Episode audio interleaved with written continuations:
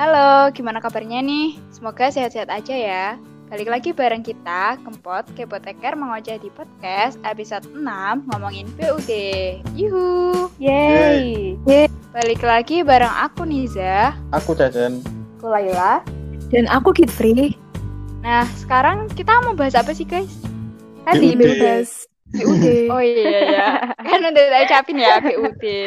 Sebenarnya PUD itu apa? Kalian udah pernah dengar belum sih PUD itu apa? Udah sering dengar belum? Kalau kita sendiri sering, oh, oh, anak farmasi. Mungkin Hmm. eh, masyarakat yang lain belum, masyarakat yang awam. Iya sih. Aku dulu sebelum kuliah juga nggak tahu sih kayaknya. Mm-mm, Jadi PUD itu apa? PUD itu singkatan dari Beyond Use Date. Jadi dia tuh batas eh, kalau udah kelewat tanggal itu produk obatnya udah nggak bisa dipakai gitu loh.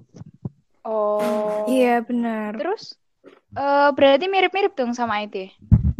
Iya. Hmm, Apa beda? Kalau mirip sih enggak ya. Ya mungkin Soalnya ada bedanya. mirip.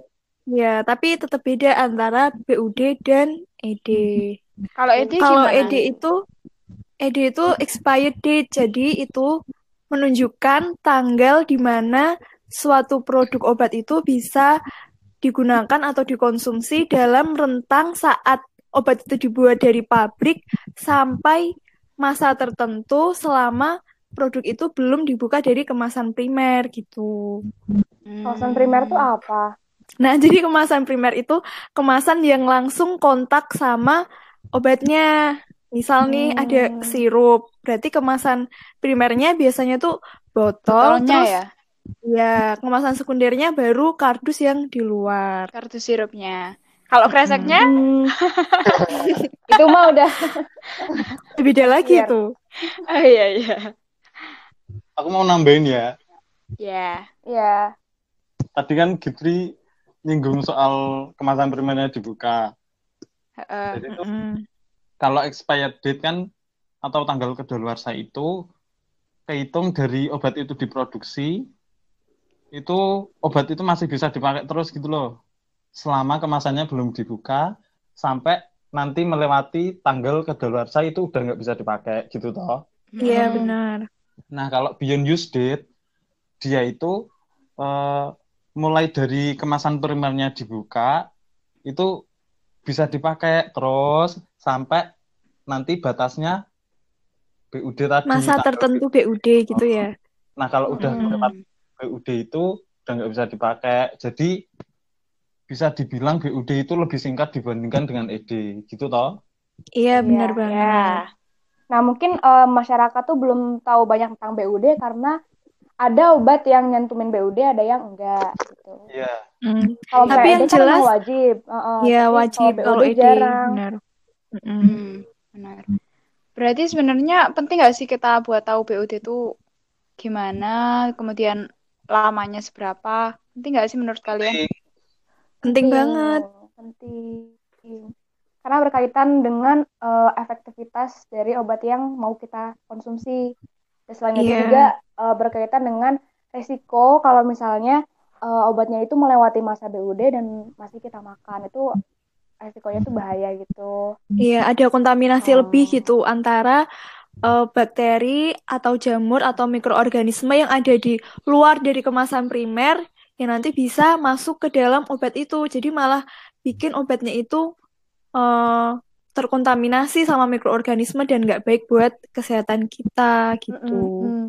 Ini kan ngomongin eh, sediaan pabrik ya. Kalau sediaan pabrik kan emang dibuatnya tuh kompleks itu ada formulanya Iya. dan dibuat sedemikian rupa Hmm. supaya produknya itu aman sampai waktu yang Hmm, lama mungkin ya. Nah, kalau misalnya Iya, melewati benar. masa BOD itu eh, apa komposisinya itu udah nggak bisa mempertahankan keamanan itu lagi. Jadinya resikonya Kayak Eh, bahan-bahannya ada. gitu ya, kandungan-kandungannya. Iya, misalnya pengawet gitu kan, atau penstabil sediaan gitu. Nah, itu takutnya udah nggak bisa mempertahankan lagi. Pada itu untuk aman. Jadinya hati-hati aja kalau misalnya eh, melewati BUD terus ngasih dimakan gitu. Hmm. Aku mau nambahin penjelasan boleh? Iya, Boleh? silakan, Cacan.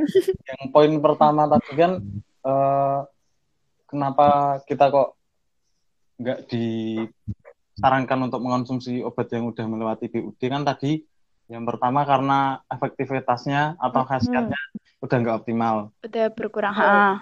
Nah, kenapa kok bisa kayak gitu?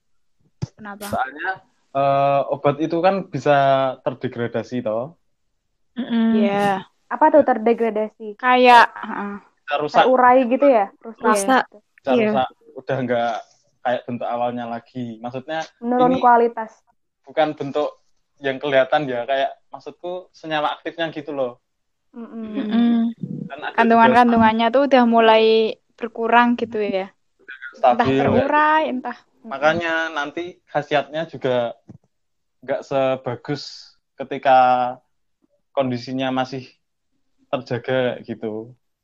Makanya tadi dibilang poin yang pertama itu efektivitasnya atau khasiatnya bisa turun gitu tau. Hmm, Betul. Iya.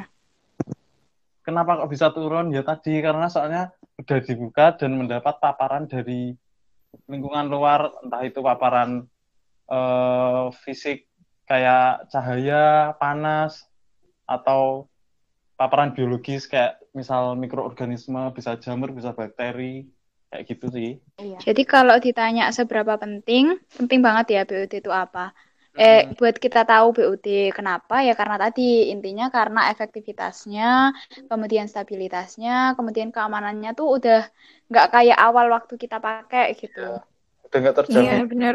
Mm-mm. Eh, kenapa nggak terjamin ya? Karena balik lagi tadi mungkin karena kandungan apa kandungan-kandungan di dalamnya tuh udah terdegradasi atau udah nggak utuh lagi gitu.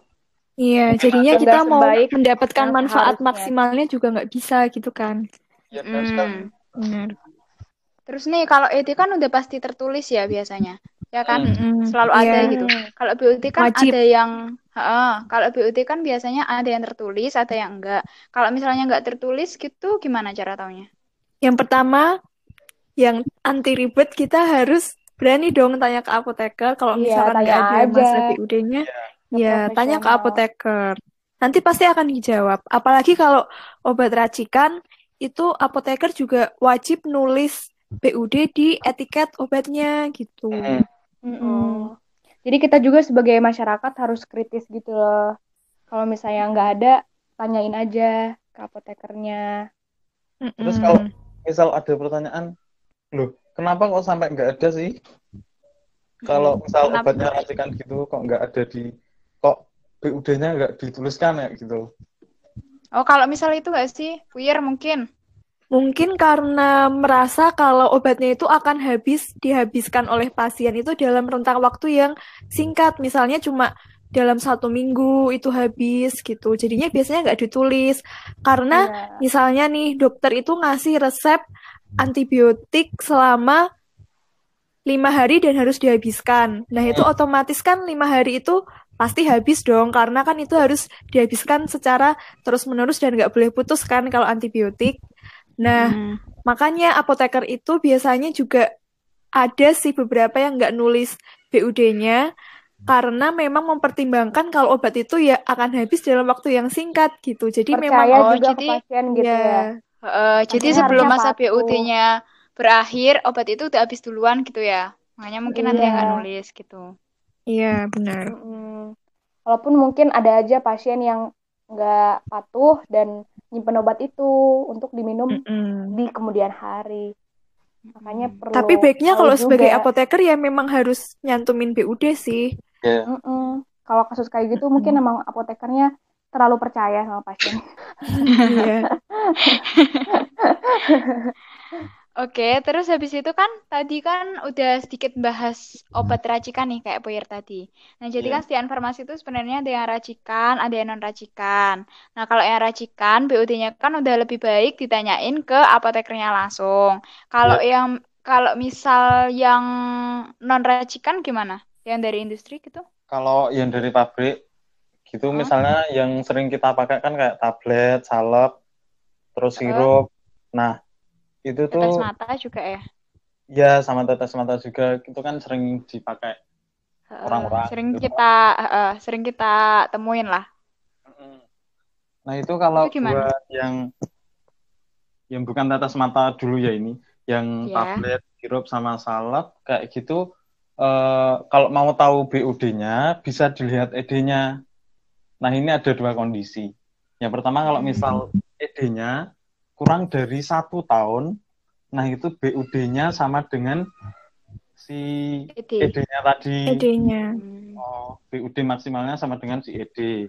Terus yang kondisi kedua, kalau misal ED-nya itu lebih dari satu tahun. Kalau di yang pertama itu kan kurang dari satu tahun. Sekarang kalau ED-nya lebih dari satu tahun, maka BUD-nya maksimal satu tahun. Kayak gitu. Mm-mm. Kenapa di sini kok Hmm, iya, ya benar. maksimal. Iya. BUD Mm-mm. maksimal? Kenapa ada istilah maksimal satu tahun? Kalau eh, soalnya BUD itu sangat tergantung dengan bagaimana cara kita menyimpan obat. Tadi Iya kan benar. Hmm, iya ketika benar-benar. kita udah mulai membuka obat, itu kan kita nggak bisa mengendalikan berbagai paparan dari lingkungan luar. Iya, lingkungan luar, iya. Yang mempengaruhi, yang bisa mempengaruhi obat itu ya. Itu kita kalau nyimpan obat biar BUD-nya bisa maksimal, ya harus sesuai dengan petunjuk penyimpanannya. Biar obatnya Oh, ada lagi-lagi kita gitu Harus ya? baca label kemasannya obat itu ya. Iya. Petunjuk penyimpanan. Iya benar. pun kadang malas karena banyak dan tulisannya kecil-kecil, itu tuh sebenarnya sangat bermanfaat. Sangat bermanfaat dan sangat penting. Ya, itu sih. Terus itu kan buat obat yang bukan tetes mata tadi. Kenapa eh, tetes mata dibedain? Karena soalnya dia tuh masuk ke Sediaan steril. steril. Mm. Dia Kenapa tuh sediaan steril harus diperhatikan? Karena memang harus dalam kondisi steril. ya harus dalam steril. Jadi harus menurunkan eh, kontak antara obat itu sama lingkungan luar biar lingkungan luar itu enggak memberikan kontaminasi ke obatnya yang mau kita gunakan. Termasuk karena target dari obatnya itu eh, bagian-bagian yang Yang Apa ya? sensitif gitu ya. sensitif, sensitif dan rentan gitu loh. Mata, Iya benar. membran lain yang ya gitu deh. Terus tadi kan bahas BUD toh. Mm. Nah, BUD-nya tetes mata seber- seberapa lama? Kalau yang kayak tetes mata itu nggak lihat ED-nya kayak yang sediaan lain tadi. Dia tuh tetes mata itu cuma 30 hari setelah dibuka. Hmm. Jadi setelah 30 hari nggak boleh digunakan lagi. Kan? Meskipun masih banyak ya, meskipun yang dipakai cuma dua tetes misal. Benar. Kayak buat mata merah doang gitu ya. Kalau sering Ya mau gak mau. lingkunganku sih eh, biasanya kan tetes mata itu buat eh, kalau sakit mata yang merah tuh kalau matanya merah gitu. Mm. Nah, Ya. itu kan kadang eh, nggak sampai satu bulan udah sembuh gitu loh. Terus obatnya masih Mm-mm. sisa, nah itu disimpan terus lupa ini bukanya kapan nggak tahu toh. Buka pertamanya itu Hmm. Akhirnya tetap dipakai. akhirnya tetap dipakai. Iya, iya. Nah, itu kan sebenarnya kalau udah kelewat 30 hari kan nggak boleh. Iya. Ya. Padahal Dan itu tipsnya orang-orang ada mikirnya nggak nih? eman gitu nggak sih? Mm-mm. Ya, tipsnya gimana? Lebih baik sih dilabelin gitu loh. Tahu toh ada yang label bisa ditempelin kecil-kecil gitu. Itu Iya, ditulis Samping notes gitu ya? Oh, iya. ditulis aja, ditulisin aja bukanya kapan kayak gitu atau kalau enggak eh, dari tanggal bukanya ini langsung dihitung 30 hari ini 30 harinya nanti tanggal berapa terus ditempelin nah habis itu setelah kelewat tanggal itu udah nggak usah dipakai gitu sih Bisa, bisa. Itu berlaku juga nggak buat obat lain? Label kayak gitu. Bisa bisa diterapin di obat lain juga Diterapin juga kan ya. Itu buat tips penyimpanan obat yang Yap. disarankan aja sih. Biar kita ingat juga dan lebih memperhatikan. Iya. Soalnya Iya. kalau obatnya rusak juga kan nanti kita yang rugi ya kan Tuh. Mm-mm. Terus habis itu, eh aku mau tanya dong. Jadi kan aku pernah dapat obat nih dari dokter. Ya Tapi Mm-mm. eh aku nggak tahu itu obatnya apa. Soalnya udah kayak dibukain gitu loh. Kayak udah dimasukin ke plastik yang ada zipnya. Tahu nggak? Oh. Hmm, ya sering tuh dapat kayak gitu. Kalau dari dokter iya umum gitu. Iya, jadi tuh kayak eh, langsung tiga obat Bener. terus dimasukin kayak gitu. Tiga macam obat terus langsung dimasukin kayak gitu. Itu maksudnya BUD-nya yang racikan apa yang non racikan? Racikan. Maksudnya yang maksudnya racikan. ada yang racikan Oh. Karena yang pertama udah membuka kemasan primer. Ya. Terus yang Mm-mm. kedua udah kontak sama dunia luar, jadi Iya. udah nggak seaman pasti segel gitu. Udah Mm-mm. bukan kemasan dari pabriknya gitu loh. Iya. Benar. Jadi Jadi racikan itu yang penting dia udah keluar dari kemasan pabrik Primer. aslinya gitu. Kemasan primer. Betul. Iya, kemasan primer. Kemasan primer, kemasan utama gitu. Jadi kalau kayak gitu BUD-nya harus ditanyakan. Kalau misal nggak dituliskan di situ.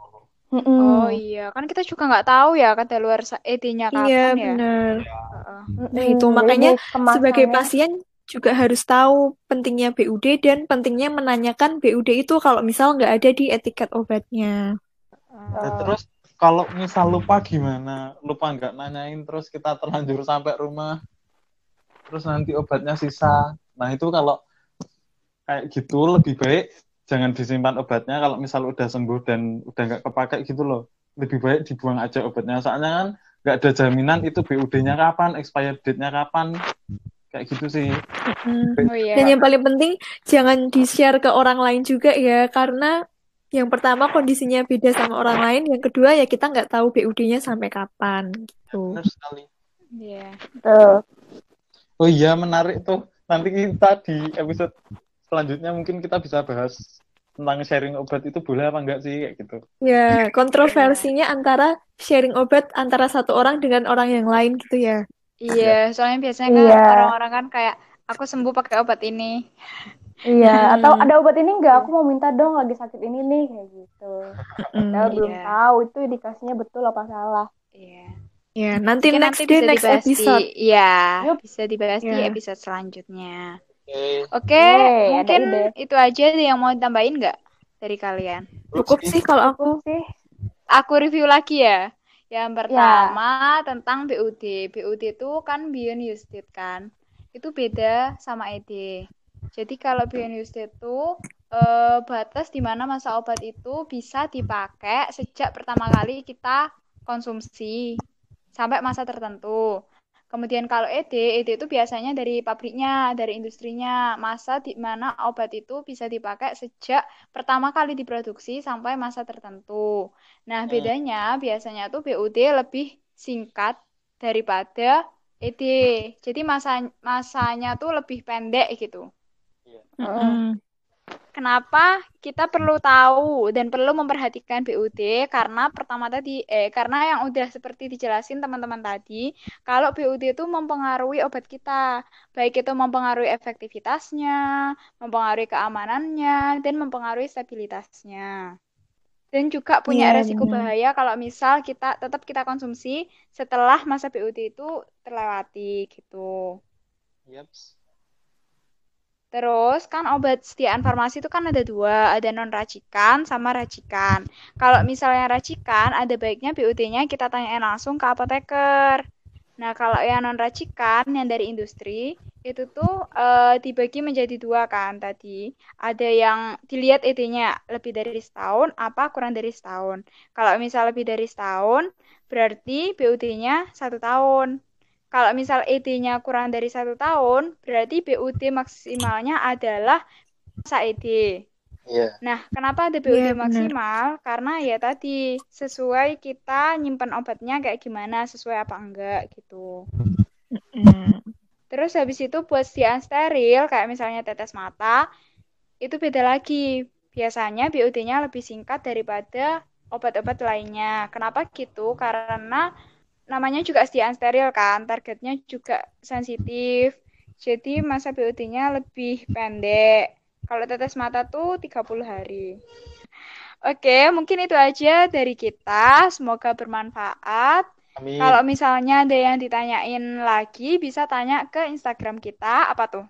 at kepoteker underscore underscore. Oh iya, atau ke channel Di- YouTube kita. kepoteker. Oke. Eh, baik, sebelum kita pamit, ada baiknya kita tagline dulu ya. Oh ya, Harus Siap. Eh, Kepoteker. we know. We share. we care. Yeay. Oke, See you next sampai jumpa di Kepot episode selanjutnya. See you. Terima kasih.